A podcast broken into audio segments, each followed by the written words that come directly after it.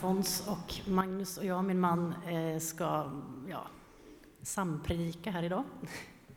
Eh, vi har varit utsända som den här församlingens internationella arbetare i ja, nästan 20 år och fortfarande så är ni med och stöder oss i en del fast vi bor här i Sverige just nu.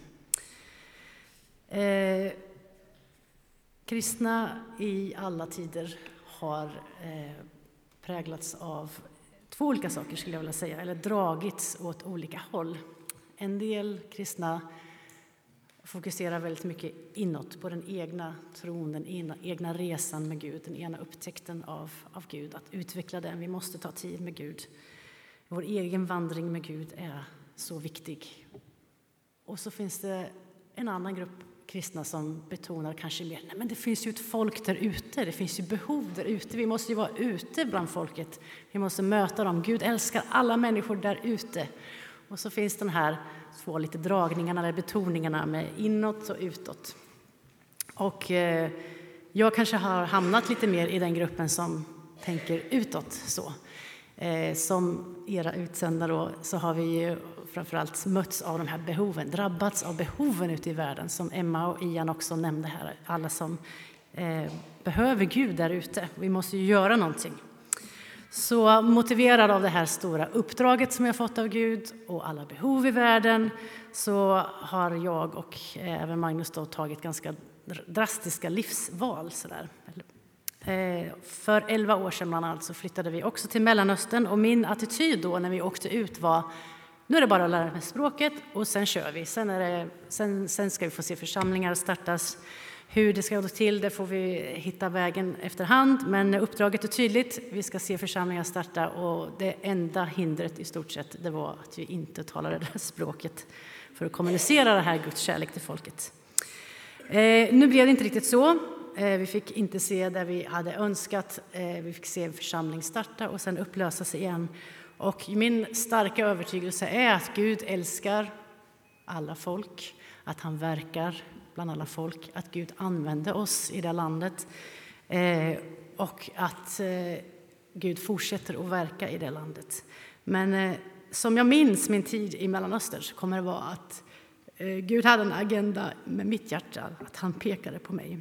Så från att vara väldigt fokuserad på metoder och aktiviteter, struktur, strategi, hur man gör plattformar, så pekar Gud på mitt hjärta. Eh, men i början så liksom tänkte jag, äh, vem har tid att jobba med sig själv? Nu kör vi. Liksom. Det finns ju ett folk där ute som vi behöver nå. Eh, eh, men Gud var envis i det där. Han hade en, en, en, klar plan med vad han ville med mig under de här åren. Då. Så efter några mindre troskriser, efter tre väldigt tydliga eh, påminnelser om vad som är viktigt i livet och den här frustrationen av att inte se det man jobbar för hända då. Och sen en stor eh, påverkan också var att jag träffade en människa som bara var så där fullkomligt kär i Jesus. Eh, hon var så kär att hon, hon sa att på fredag, Maria, då ska jag ha en dejt med Jesus. Det ska bli bara han och jag och vi ska bara ha hela kvällen för oss själva. Och jag tänkte, kan man säga så? Liksom, kan man prata om Gud på det sättet? Eh, så genom de här olika händelserna och människorna i mitt liv så trillar poletten ner att det är ju Jesus som räddar. Det är Jesus som möter andras behov. Det är Jesus som uppenbarar sig för folk direkt själv. Det är han som förändrar människor. Det är Jesus som bygger sin församling. Det handlar inte om min kallelse och allt det där jag gör, min strävan eh, för att se vad som händer, de strategier och strukturer som jag tänker ut eller någon annan har tänkt ut åt mig. Eh, ja, man får landa i och vila i det där att det är faktiskt Jesus som möter människor. Det är han som når ända in i hjärtat på folk. Eh, så vad, hur förändrades då mitt liv efter alla de här insikterna? Jo, även jag börjar ta mer tid för Gud i min ensamhet men också tillsammans med andra människor. Att värdera den där tiden, hur viktig den är. Att bara få vara med Jesus för den han är. Och då märkte jag att när Jesus blir naturlig för mig i min ensamhet så blir han också naturlig för mig när jag är bland andra människor. Eh, när hans närvaro blir naturlig i mitt liv så är hans närvaro mycket mer naturlig i andra sammanhang också. Och min fasta tro växte att Jesus i mig spiller över liksom, till andra människor. Eh, när jag är bland folk så får min relation till Jesus ett naturligt utflöde.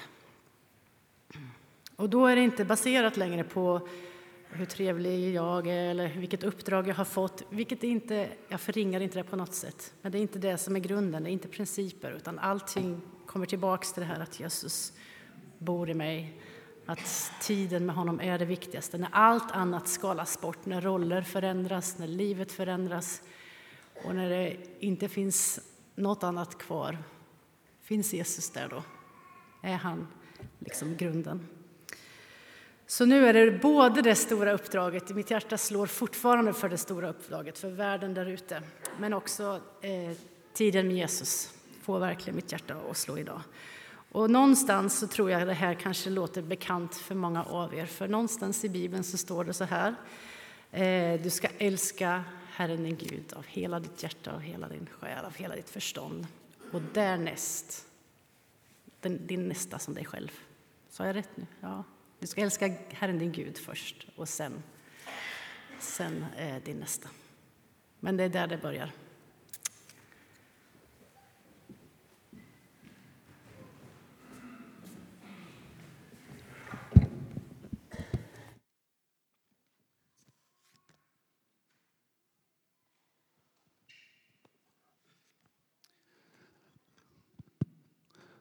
Håll det Maria sa i bakhuvudet och låt det liksom bära genom det jag har att säga. Det, den, låt den tonen liksom ringa kvar. För eh, Maria är mycket mer balanserad eh, och genomtänkt än vad jag är. Och, och det är bra.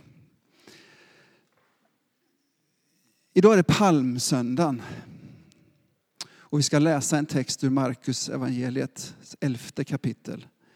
Jag ska läsa vers 7 till 10 och vers 15 till 19.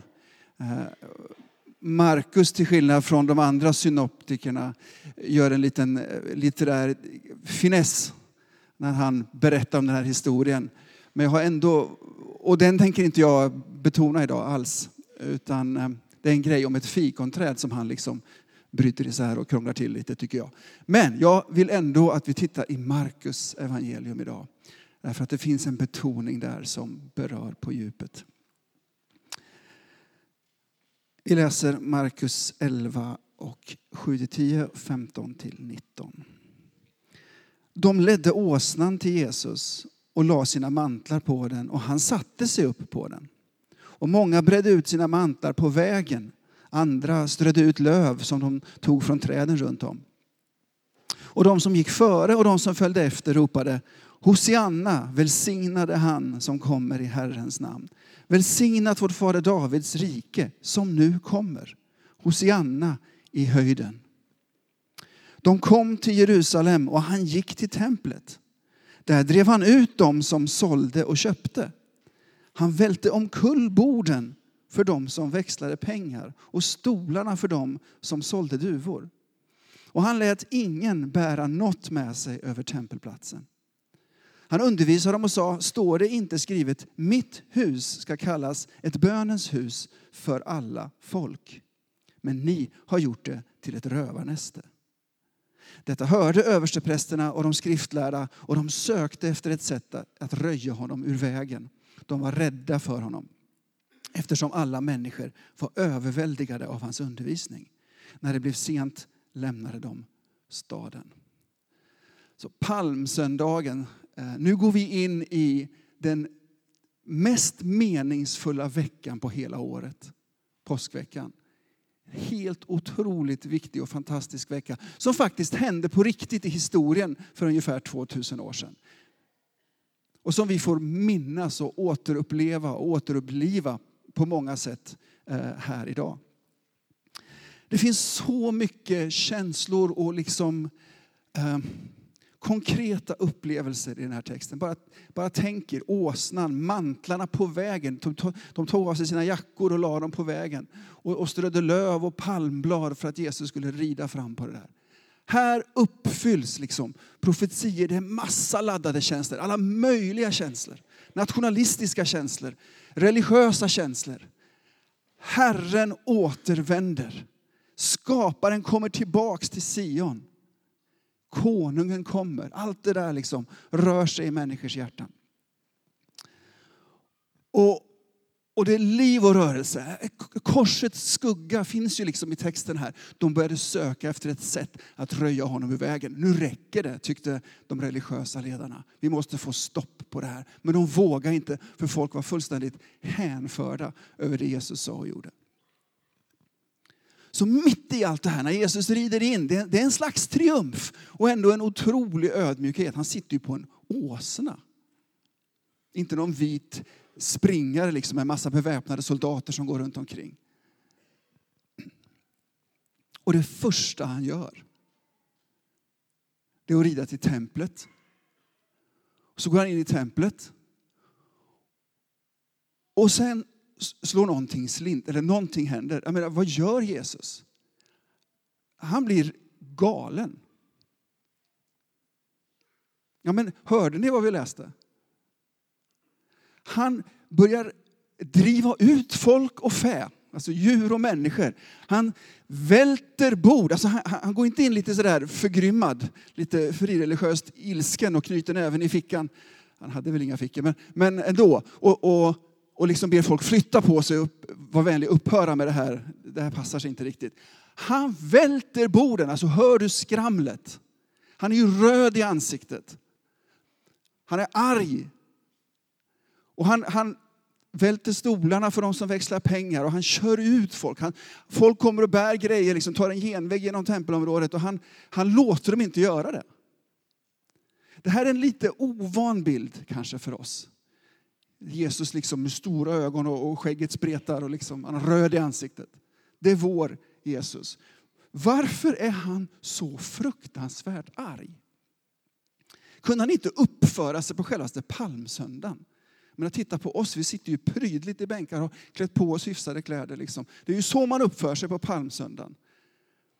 Men inte Jesus. Varför är han så arg? Det finns många förklaringar naturligtvis. Men Markus i sitt evangelium betonar en sak som berör mig på djupet och som jag vill lyfta fram här idag. Markus betonar att templet har blivit en handelsplats när det skulle vara ett bönens hus för alla folk. Här är Markus unika betoning för alla folk.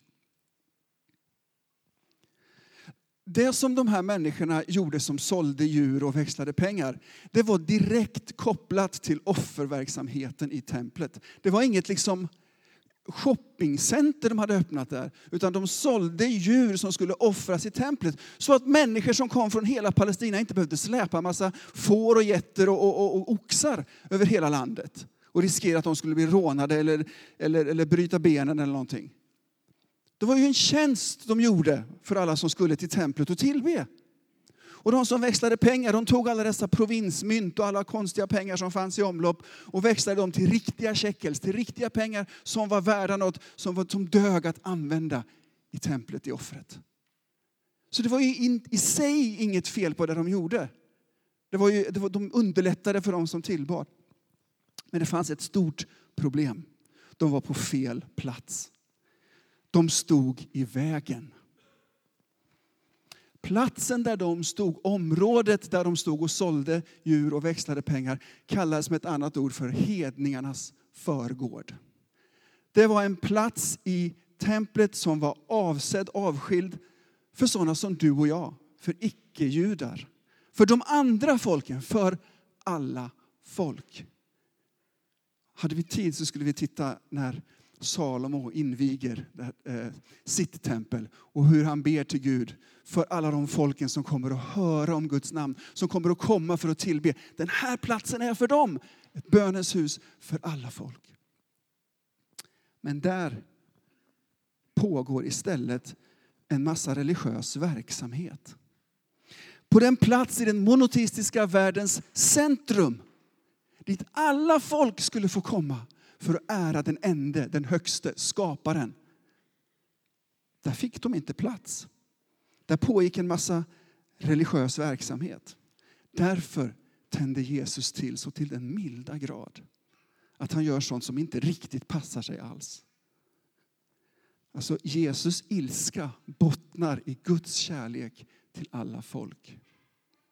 Jag säger det igen. Jesus ilska bottnar i och hämtar sin passion och energi från Guds kärlek till alla folk. Jesus gillar inte när någonting står i vägen för människor som söker Gud. Jesus blir riktigt irriterad när någonting tar den plats som folken ska ha för att kunna tillbe Gud. När religion och religiösa system skymmer sikten för Gud. Karl Marx hade rätt i en del saker i alla fall. Han sa religion är folkets opium, det är en drog för folket. Men Jesus befriar. Det sa inte Marx, det säger jag.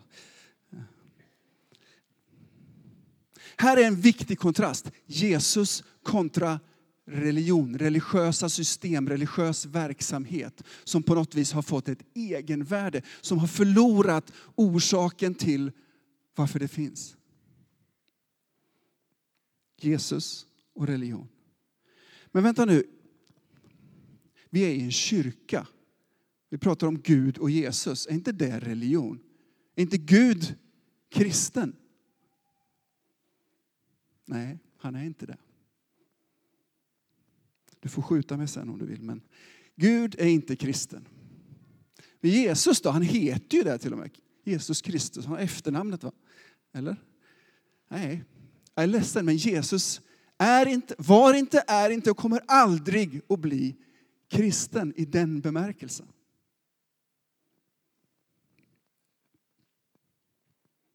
Häng med nu. Jesus talade aldrig om kristendomen. Han nämner den inte med ett ord. Vad talar Jesus om? Han talar om Guds rike. Jesus sa aldrig till någon människa en enda gång, bli kristen. Vad sa Jesus? Han sa följ mig. Följ mig, sa Jesus. Jesus sa inte en enda gång kristendomen är den sanna vägen. Den rätta läran. Vägen till Gud. Nej, han sa jag är vägen, sanningen och livet. Och ingen kommer till Fadern utom genom mig, säger Jesus. Innan han, innan han, när han hade dött och uppstått och innan han togs upp eh, till Guds närvaro, till, till himmelriket, så sa han inte sprid nu kristendomens lära över hela jorden. Han sa gör alla folk till lärjungar. Gör dem till mina efterföljare och lär dem att hålla allting som jag har sagt till er. Han sa älska Herren din Gud av hela ditt hjärta, av allt du är och allt du har. Och din nästa som dig själv. Alltså det som Jesus talade om och som han demonstrerade och visade och allt det som han är. Det är det vi ska ge vidare till andra, till alla folk. Inte en religion, inte en lära, inte ett religiöst system utan en person. Och på sätt och vis är det mycket svårare, men så mycket viktigare. Det här som jag just sa går ju att tillämpa på våra relationer till varenda människa på jorden. Våra grannar, eh, människor här i vår omgivning eh, och människor över hela jorden, vare sig de känner till Jesus eller inte. Men idag vill jag bara ta några minuter och tillämpa just det här jag sa om att inte ge en lära, en religion, utan att ge personen Jesus. Det vill jag tillämpa på muslimer. På muslimer. Varför då? Vad är det för särskilt med muslimer? Ja, det behöver jag inte svara på. Under fastan så har vi bett för muslimer varenda dag, nästan varje dag i nästan 40 dagar nu. Ehm, vi har haft en predikoserie från jihadist till missionär. Och jihadisten i predikoserien var ju Paulus, eh, fanatikern. För, åtta år sedan, för 800, år sedan, 800 år sedan så var fanatikerna, jihadisterna, det var korsfararna som med stora kors på flaggor och på sköldar for genom Europa, Turkiet, ner i, i Palestina och härjade i religionens namn. Och idag är ju jihadisterna islamister, muslimer. Därför ska vi tillämpa det här särskilt på dem. Men du kan tillämpa det på vem du vill, i relation till vem som helst. Får jag bara börja med att säga att vi kan ju egentligen inte prata om muslimerna som en stor grupp, som någon slags enhetlig grupp. Det är fullständigt barockt att göra det. Och ändå gör jag det för att spara tid. Men i våra hjärtan, i våra sinnen får det ju inte finnas liksom muslimerna, de där. Vi måste sluta prata om muslimvärlden. Vad är det? Den finns inte. Det finns så mycket grupperingar och, så mycket, och skillnader som helst inom det som vi slarvigt kallar för islam och, och den muslimska världen. Man tittar på vad som händer i Jemen idag. Shia mot sunni, sunni mot shia. De ser inte ens varandra som muslimer. De har ihjäl varandra. Muslimvärlden, muslimerna, ja vilka då? Vi kan inte se på dem som någon slags enhetlig grupp. Dessutom finns det ju individuella skillnader i de grupper som existerar som är, som är kanske till och med större än skillnaderna mellan grupperna. Det är klart det finns gemensamma drag. Ehm, kulturella drag, teologiska drag, en skruvad gudsbild, en, en, en otillräcklig förståelse av Jesus. Men det har ju du och jag aldrig haft. Eller hur? Poängen är, svaret på det är ju inte kristendomen. Muslimer, av vilken sort och, och, och form de än är, behöver inte en ny religion. De behöver inte konvertera till kristendomen. De behöver Jesus. De behöver Jesus. Och du och jag kan ge Jesus till muslimer var de än befinner sig. Det här är inte en lek med ord. Det här är liksom kärnan i vår världsbild, i hela universum, kärnan i tron. Vad är det vi ger? Så här är det, lyssna väldigt noga nu. Kommer du inte ihåg någonting annat av, av det jag sa idag? Eh, förutom att Jesus var röd i ansiktet och, och, och svettig när han var arg. Lyssna på det här. Muslimers problem är inte att de är muslimer utan att de är syndare som inte känner Gud. Att de är fallna människor som har gått vilse, har missat målet, precis som du och jag. Deras problem är inte att de är muslimer. Problemet är att de inte känner Jesus. Och svaret på det, ja, det är att de får möta Jesus. Jesus är enda vägen till Fadern. Jesus själv är svaret på människans synd. Det han gjorde på korset, när han gav sitt liv för alla människor, för alla folk. Det är svaret på muslimers och hinduers och alla andras situation. Och det här är ju jätteskönt, det här är goda nyheter därför att det betyder att du behöver inte vara en expert på muslimmission. Du behöver inte kunna allt, du behöver inte ha läst Koranen framlänges och baklänges. Man ska ju läsa den baklänges eftersom den är skriven så. Ja, ja. Du behöver inte kunna så mycket. Det handlar inte om att övertyga muslimer om att kristendomen är en bättre religion. Det handlar inte om att vinna diskussioner med kunskapsgrundade argument. Det handlar inte om att förklara bort eh, den kristna historien, korstågen, eller ännu värre försvara dem allt hemskt som har gjort i kristendomens namn. Du behöver inte ta ansvar för det. Därför att det du ger är Jesus. Och, och lyssna på det här också. Det handlar inte heller om att locka in eller tvinga in dem i vår syn på demokrati. Eller västerländska värderingar. Eller svensk kultur. Vad det nu skulle vara. Alltså en del av de sakerna är naturligtvis viktiga och för sin egen skull, för att de ska nå sin fulla potential, må bra av att, av att bo och leva här till exempel, så behöver de naturligtvis anpassa sig. Men att hålla på med det och att lyfta upp det kan ju inte vara vår främsta uppgift. Eller? Det handlar om att ge dem Jesus. Det handlar om att hjälpa dem att möta den här personen. Tänk tillbaks på de gångna fyra, fem söndagarna. Då. Vi hade ju en sån här Jesus-söndag också mitt i alltihop. Det tycker jag är intressant att, vi har, att Jesus får vara med ibland. Och ha en söndag nu och då. Nej, förlåt, jag bara skojar lite. Men tänk tillbaks på den här predikoserien från jihadist till missionär. Det var ju mötet med Jesus som fick Paulus att gå från att vara en förföljare, en fanatiker, en jihadist till att bli en missionär som spred budskapet om Jesus. Det var inte möte med en, en, en lära, en religion. Det var inte det som övertygade honom. Och jag har haft fel, äsch då, nu struntar vi i det här, nu gör vi så här istället. Det var mötet med Jesus. Ett helt övernaturligt möte för övrigt. Det handlar inte om att möta honom fysiskt för honom. Även om det blev nog så fysiskt när han låg där i dammet på vägen till Damaskus i Syrien. Det var genom att lära känna Jesus som Paulus gick från att vara en judisk nationalist till att bli en Gudsrikesmedborgare.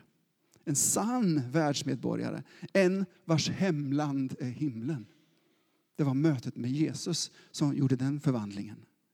Det var genom att steg för steg förvandlas av Guds kärlek i Jesus som Paulus gick från att vara en arrogant mördare till att bli en martyr för Kristus. Det var mötet med Jesus. I det mötet som Paulus hela världsbild rasade sönder. Och han fick en ny världsbild, ett nytt liv. I det livet så helgades eller liksom återlöstes alla hans tidigare erfarenheter och kom till användning på ett nytt sätt. Alltså det här är helt sanslösa förändringar som vi har hört om under de här gångna månaden. Och det var Jesus som åstadkom dem, inte någon religion. Bara Jesus kan förvandla både vanliga sekulariserade muslimer och fanatiska muslimer. Bara Guds kärlek i Jesus kan åstadkomma den förvandlingen. Är du med? Nej. Ja, det är bra. Okej, men hur ska vi göra då? Hur ska vi ge dem Jesus? Det låter ju så bra liksom att säga att det handlar inte om att ge en religion, det handlar inte om kristendomen, det handlar om Jesus. Hur gör vi då? Och som sagt, det här gäller ju inte bara hur vi relaterar till muslimer, utan till alla egentligen. Jag vill ge dig några få konkreta råd och jag tänker inte uppehålla mig. Det som stannar i ditt hjärta, det stannar i ditt hjärta. För det första, var inte rädd. Var inte rädd för muslimer. De är människor som du och jag. Det är hemskt att man ska behöva säga det. De behöver Jesus. De är människor som behöver Jesus. Var inte rädd. Kärlek driver ut fruktan. Och där har vi det. Visa äkta kärlek. Det är mitt kanske främsta råd. Visa äkta kärlek mot människor som bekänner sig till en annan tro, som är muslimer rent ut sagt. Bjud hem dem, umgås med dem, lär känna dem, dela livet med dem. Ät mat med dem. Jätteviktigt. Du behöver ju inte bjuda på fläskkotlett första gången de kommer hem till dig. Men,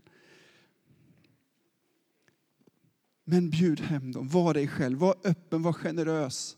Ät mat tillsammans. Var inte så försiktig i ditt umgänge med muslimer. Du behöver inte vara orolig. Var tydlig men inte kränkande. Tala inte så mycket ner om deras grejer de tror på. Jag sa nyss att de har en skruvad gudsbild och det står jag för. Och jag, jag, de har en, en, en helt otillräcklig förståelse av vem Jesus är. Men du behöver inte tala illa om dem eller tala ner, nedklankande liksom på, på, på dem, på, det, på deras tro och det som är viktigt för dem. Eh, utan var tydlig med det du står för. Ett exempel. När jag, jag vittnade för en muslim en gång eh, i, i Mellanöstern så fick jag det här jättevanliga svaret. Ja, men allt du säger kommer ju från Bibeln och Bibeln vet ju alla, den har ju blivit förändrad, den är förvanskad. De har ju bara hittat på, de har ju skruvat runt och ändrat om så det passar. Och istället för att, ja men vad intressant att du tycker så, ja jag håller nog inte riktigt, så sa jag, lägg av med det där!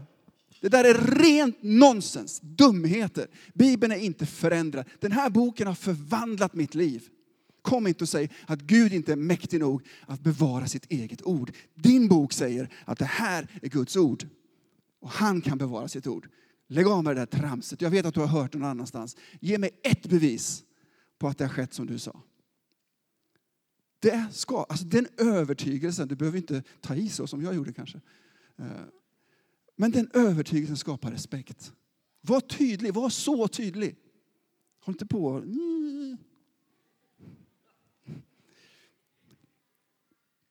Och jag vet att det kommer sig av att vi inte vill såra. Och det, det gör vi inte heller. Tvärtom skapar det respekt.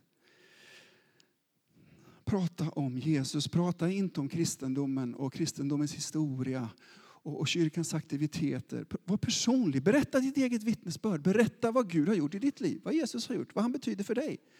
jag har inga fantastiska himlastormande erfarenheter. So what?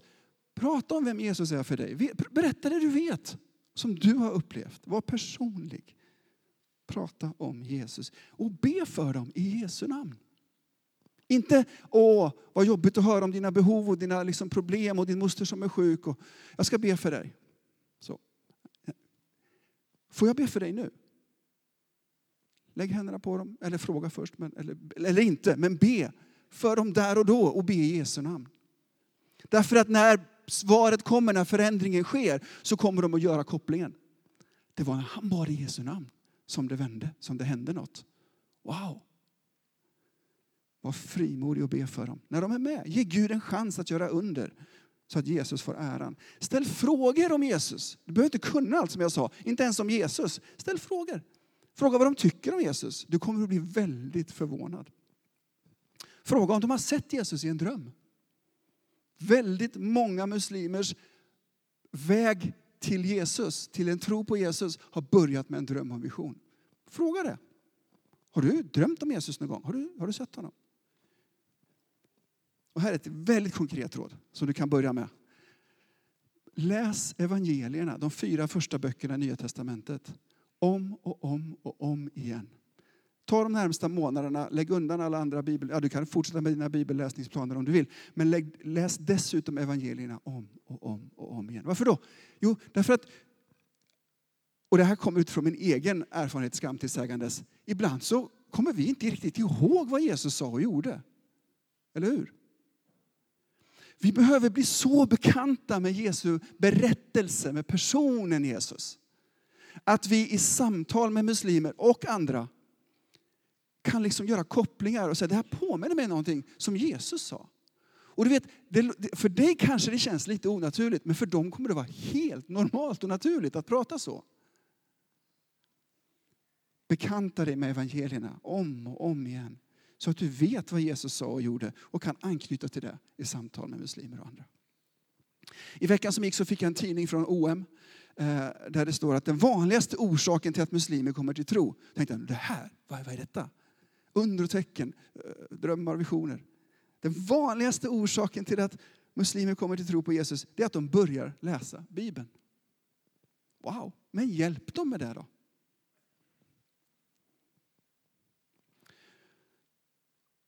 Och sista rådet då. Det, det, kan naturligtvis bli viktigt efterhand att sätta sig in i deras världsbild att skaffa sig kunskap. Att, att lära sig vad som är smart och mindre smart att säga om man vill vinna förtroende. Vad, vad är bra och inte bra att göra om man besöker deras hem och så vidare. Det finns fantastiska koranverser till exempel som, som handlar om Jesus. Som är perfekta att använda som en bro in i evangelierna till exempel. Så allt det här kan man ju lära sig om, men det börjar inte. Du behöver inte kunna allt det där först. Det, vi, vi, vi, kan ha seminarier, vi kan ha specialträning för allt det där. Men var inte rädd. Visa äkta kärlek. Lär känna dem. Dela livet. Dela Jesus framför allt. Till slut. Det är palmsöndag idag. Vi går in i årets mest meningsfulla vecka. Nu är vi Guds tempel. Då var templet en byggnad som Jesus red fram till. Nu är vi Guds tempel. Vad gör Jesus när han kommer till oss? Till sitt tempel. Gråter han? Fylls han av glädje? Eller blir han arg? Är vi ett bönens hus för alla folk? Eller är vi det bara för några folk? Som Ian och Emma sa, vi gör fantastiskt mycket bra. Men vi är kallade att vara ett tempel för alla folk, inte för några eller många. Hindrar vi aktivt eller passivt att alla folk får möjlighet att tillbe sin skapare? Ta med dig det in i påskveckan. Låt mig ge dig några konkreta utmaningar som du kan ta tag i idag. Hur är det med ditt hjärta när det gäller muslimer? Behöver du omvända dig från hat, från fruktan eller från likgiltighet? Jag vet inte vilket som är värst. Det spelar ingen roll om ditt hat eller din fruktan är berättigad eller inte. Det är inte det det handlar om. Men vi är kallade att älska alla folk. Och har du någonting annat i ditt hjärta så behöver du omvända dig. Behöver du fatta ett beslut idag om att närma dig en muslim? Att börja visa med ditt liv vem Jesus är. Passa på i påsk. Det är en perfekt vecka att prata om högtiden och dess innebörd. Att prata om det mest väsentliga i vår tro. Korset och uppståndelsen. Är det dags för dig att idag bestämma dig för att läsa evangelierna som aldrig förr? Att läsa dem om och om igen. Ja, men jag kan ju det där. Jag, jag vet ju vad Jesus sa vad han gjorde. Bra, okej. Okay. Kommer det upp naturligt för dig när du pratar med människor? Gör det inte det, ta några varv till så att du kan göra kopplingarna. Längtar du, och nu anknyter jag till det Maria inledde med. Längtar du efter att närma dig Jesus själv. För din egen skull och för alla folks skull. Det är väldigt gott om du längtar efter det. Kom, säger Jesus. Han säger inte vänta lite nu, han säger kom. Närma dig mig så kommer jag springande med stormsteg mot dig. Ta ett steg, ta ett till. Precis innan jag gick upp här så kände jag att jag skulle säga det här och det gör jag bara rakt ut i tro. Känner du någon form av särskild kallelse att liksom gå över gränser? Jag pratar inte liksom om någon allmän, allmän liksom vilja att berätta för människor om Jesus. Känner du en särskild kallelse att gå över gränser? Och kanske specifikt att flytta till och leva bland muslimer. Att nå ut till dem. Som, som Ian och Emma, som andra då ska du få förbön idag. Hugg tag i någon av pastorerna. Kom till mig och Maria så ska vi be för dig. Jag tror att Gud kallar oss alla att leva ut det vi har fått. Men också vissa individer särskilt att sändas till andra platser, till andra folk. Och är du en av dem, låt inte det här gå dig ur händerna. Det kommer att ges tillfälle till förbön under, eh, om en liten stund här i gudstjänsten. Sök förbön då om någon av de här utmaningarna högg tag i dig. Nu går vi in i påskveckan tillsammans. Årets viktigaste vecka har jag sagt några gånger nu och det tänker jag hamra på. Den här veckan dör Gud. Den här veckan dör Gud för att ge oss frihet från skuld, från skam och från fruktan. Den vecka vi går in i nu firar leder oss till åminnelse av att Gud dog för att vi skulle bli fria från skuld, skam och fruktan. Och han uppstår den här veckan för att ge oss liv, evigt liv. På riktigt. Amen.